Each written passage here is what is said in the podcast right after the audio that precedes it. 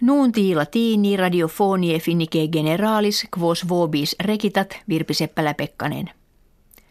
Hungari die dominico demoscopium habuerunt in quo interrogatum est, visne ut unio europea Hungarie imperat ut immigratores recipiat etiam parlamento Hungarie non probante.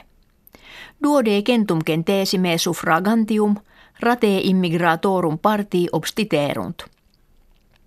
Cum autem pauciores quam di media pars ex civibus suffragium habentibus ad urnas venerint, eventus legalis non habetur. Apud caletum est campus immigrantium ubi septem vel etiam decem milia hominum in tuguris aut mapalibus habitant. Major pars eorum expectat ut occasione oblata in autocarrum clam ascendat quo per cuniculum in Britanniam transeat. Sperant enim fore ut ibi melioregiones habeant. Quia peregrini in campo caletensi de gentes tam commeatum publicum quam homines in vicinitate habitantes multis modis perturbant magistratus jam sepius eos expellere frustra conati sunt.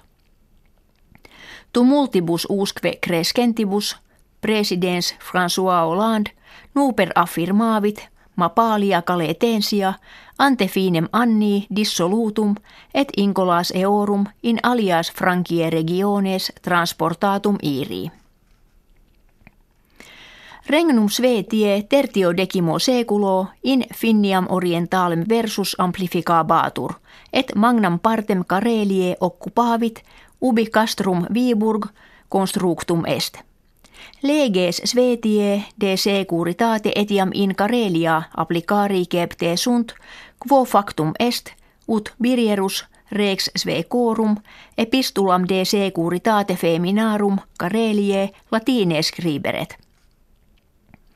Illa epistula calendis octobribus anno millesimo trecentesimo sexto decimo data est vetustissimum documentum officiale in finnia conservatum. Summa eius hec est.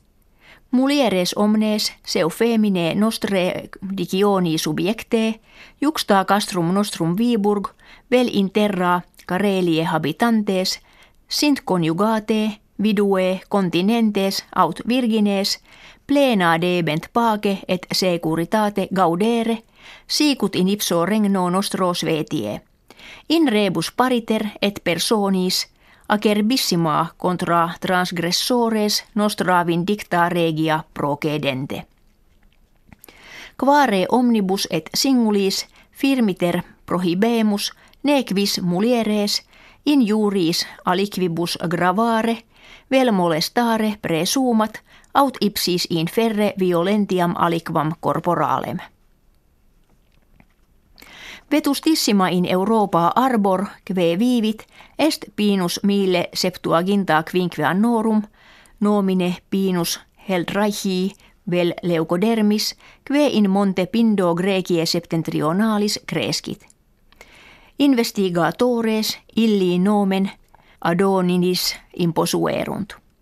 In eisdem montibus complures alie quoque arbores inveniuntur, kve mille annos superaverunt.